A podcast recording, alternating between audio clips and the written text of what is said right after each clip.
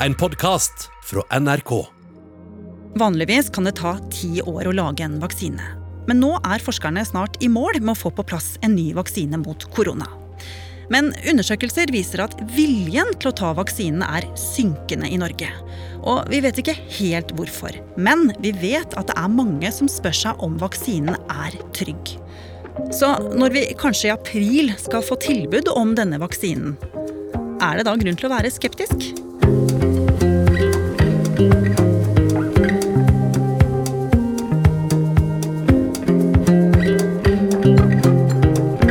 hører på Oppdatert. Jeg heter Ragna Nordenborg. Altså For å tenke over hvor nær vi er en vaksine for oss i Norge, så er det mest fornuftig å ikke ta med russerne og kineserne som sier de er ferdig allerede. Vi kan se på tre selskaper som det er mest sannsynlig at den norske vaksinen kommer fra. Det er Pfizer, Moderna og AstraZeneca. Giganter. Og de er alle inne i fase tre. Det betyr at de har gitt vaksinen til titusener av mennesker. Og nå sitter de og ser hvordan går det. Halva Sandberg er journalist i NRK Nyhetsavdelingen og dekker koronapandemien. Hadde det vært mulig å gi Nobelprisen for vaksineutvikling? Ja, Kanskje det faktisk er det, men det er i hvert fall helt opplagt at de hadde vunnet noen slik nå, de som står bak vaksineutviklingen nå siden denne pandemien begynner. For at dette her har gått så utrolig fort. Det er ingen som ville tro at vi kunne greie å være så nær en ferdig utvikla vaksine så kort tid etter at pandemien begynte. Vanligvis så tar dette fem år. Ti år er vel kanskje normalen. 15-20-25 år er ikke uvanlig for å få en vaksine på plass. Og her snakker vi om under et år. Ja.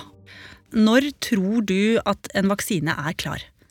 Det å tro om det, det er så fryktelig vanskelig, for da plutselig så får du en hard dør rett i ansiktet om at å ja, ja ja, det gikk ikke så bra som vi trodde. Men det jeg faktisk tror, er at vi nå i slutten av november så har vi minst ett, kanskje tre selskap som sier at vår vaksine er klar, den virker, den er trygg, vær så snill og godta den for bruk på folk. Men mange uttrykker altså skepsis, ifølge en undersøkelse fra Forskningsrådet. Og vi vet ikke helt hvorfor denne skepsisen er større til akkurat denne vaksinen enn til de som f.eks. er med i det faste vaksinasjonsprogrammet her i Norge. Men er det frykt som er årsaken, så kan det kanskje være interessant å vite at flere av koronavaksinene som nå er på gang, er som de er, av en veldig god grunn. Norge er i ferd med å bli truffet av en influensabølge, fortalte landets helsemyndigheter i formiddag. La oss gå tilbake til året 2009. Svineinfluensaen herja i Norge. Forskerne klarte ganske fort å finne fram til en vaksine. Og norske myndigheter satte i gang tidenes største vaksinasjonskampanje, som førte til at 45% av alle nordmenn vaksinerte seg mot svineinfluensa. 2,2 millioner nordmenn vel å la seg vaksinere. Men så begynte noe å skje. På legekontorer rundt om i landet begynte bekymra foreldre å dukke opp med barna sine. Barna fortalte om ekstrem trøtthet og ukontrollerte søvnanfall. Det viste seg at det var sykdommen narkolepsi barna hadde fått. En nevrologisk søvnsykdom der de som er ramma, sovner uten forvarsel. Et lite stikk i armen med svineinfluensavaksine endra en glad og aktiv liten gutt fullstendig. Han har plutselige søvnanfall og sterke hallusinasjoner. Når vi fikk eh, de første tilfellene av eh, narkolepsi, så var jo det skremmende. Og det første spørsmålet var er dette viruset, eller er det vaksinen? Gunveig Grødland er vaksineforsker ved Universitetet i Oslo og regnes som en av landets fremste på dette feltet. Man ser nå at det i eh, Norge har vært en liten overhyppighet av narkolepsi blant de som har tatt vaksinen. Så det ser nå ut til at det faktisk er vaksinen, men eh, at viruset selvsagt òg har forårsaka noen tilfeller. I Norge var det 72 barn og unge som fikk søvnsykdommen. Og dette ble kalt den mest alvorlige vaksinekatastrofen i moderne tid av smitteverneksperter. Hva slags vaksine var det som hadde utløst dette, Gunnveig? Den konvensjonelle vaksinen som ble brukt i, eh, mot svineinfluensa, den inneholder drept virus og i tillegg en adjuvant. Og en adjuvant skal egentlig bare sparke i gang responsen litt ekstra. Hva var det som ikke funka for noen? Eh, jo, eh, det var det at eh, man tilsatte eh, mer eh, virus enn vanlig, og adjuvant, som ikke er vanlig i eh, influensavaksiner. Noe som gjorde at man fikk sterke responser mot et område av viruset som ikke var forventet. Og det førte til at de som var genetisk disponerte for søvnsykdommen narkolepsi, fikk kickstarta sykdommen av vaksinen. Og enkelt fortalt så var det fordi hele viruset var en del av vaksinen, og de hadde ikke hatt kontroll på hvordan kroppen reagerte. Så pga. bl.a. denne svineinfluensavaksineskandalen, så har man slutta med å lage vaksine på den måten. Ikke helt slutta, men de aller fleste som utvikles, eh, og spesielt i Europa og USA, er basert på kun deler av viruset. Og derfor er de altså sannsynligvis tryggere og kan gi færre bivirkninger enn gamlemåten. Ja. Og disse vaksinene går under fellesbetegnelsen mRNA-vaksiner. Det er den mest moderne av alle teknologiene. For den i utgangspunktet så skal det ikke kunne være noe galt med den. For du bruker bare ren informasjon. Du eh, får kroppen din til å lage vaksinen.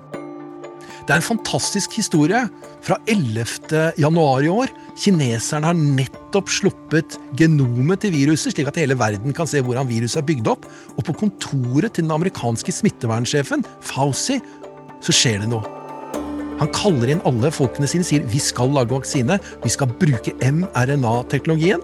Vi tar den lille biten som stikker ut av viruset, det som kalles spike-proteinet. Vi tar den, og så får vi kroppen til å lage kopier av den, og da er du vaksinert. For da reagerer immunforsvaret på den. Og dette er det veldig mange som tror er fremtiden til vaksiner. Dette her kan du utnytte og lage vaksiner kjemperaskt. Og er det da sånn at de selskapene som nå ser ut til å være nærmest en vaksine, bruker denne nye teknologien vi har lært om?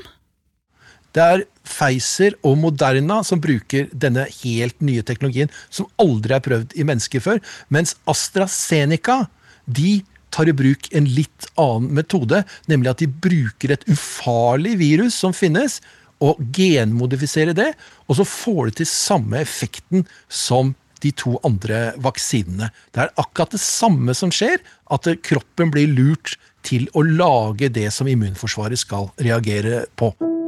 Så teknologien nå er i hovedsak annerledes og bedre enn da svineinfluensavaksinen ble laget.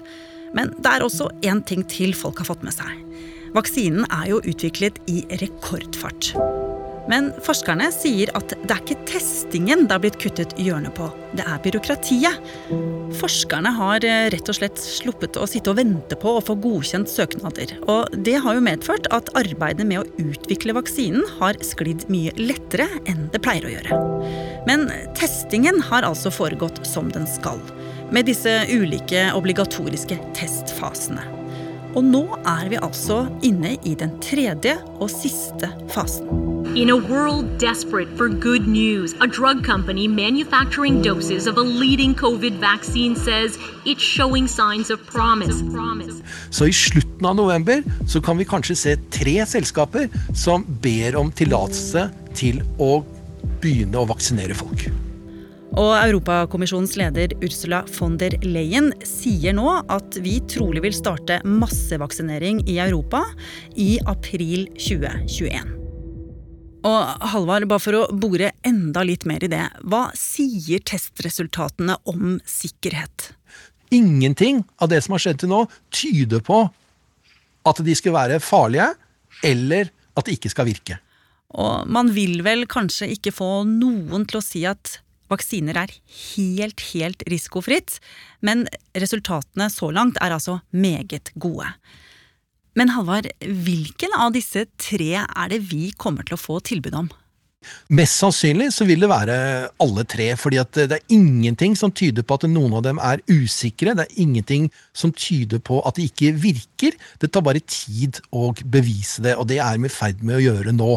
Så alle tre kan være der. Altså Når massevaksineringen i Norge starter, så kan vi ha en hel meny av eh, forskjellige vaksiner å velge mellom. Og det er jo kjempebra, for det kanskje er en som passer best for yngre, og kanskje en som passer best for eldre. Og da kan du velge. Er ikke det bra?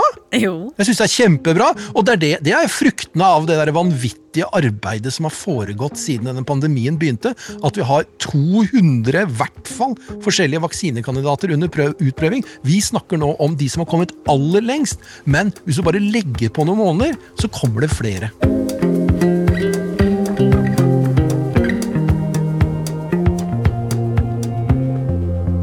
Har du lyst til å bli fast lytter av oss i Oppdatert og få påminnelse om nye episoder, er det bare å trykke på abonner-knappen.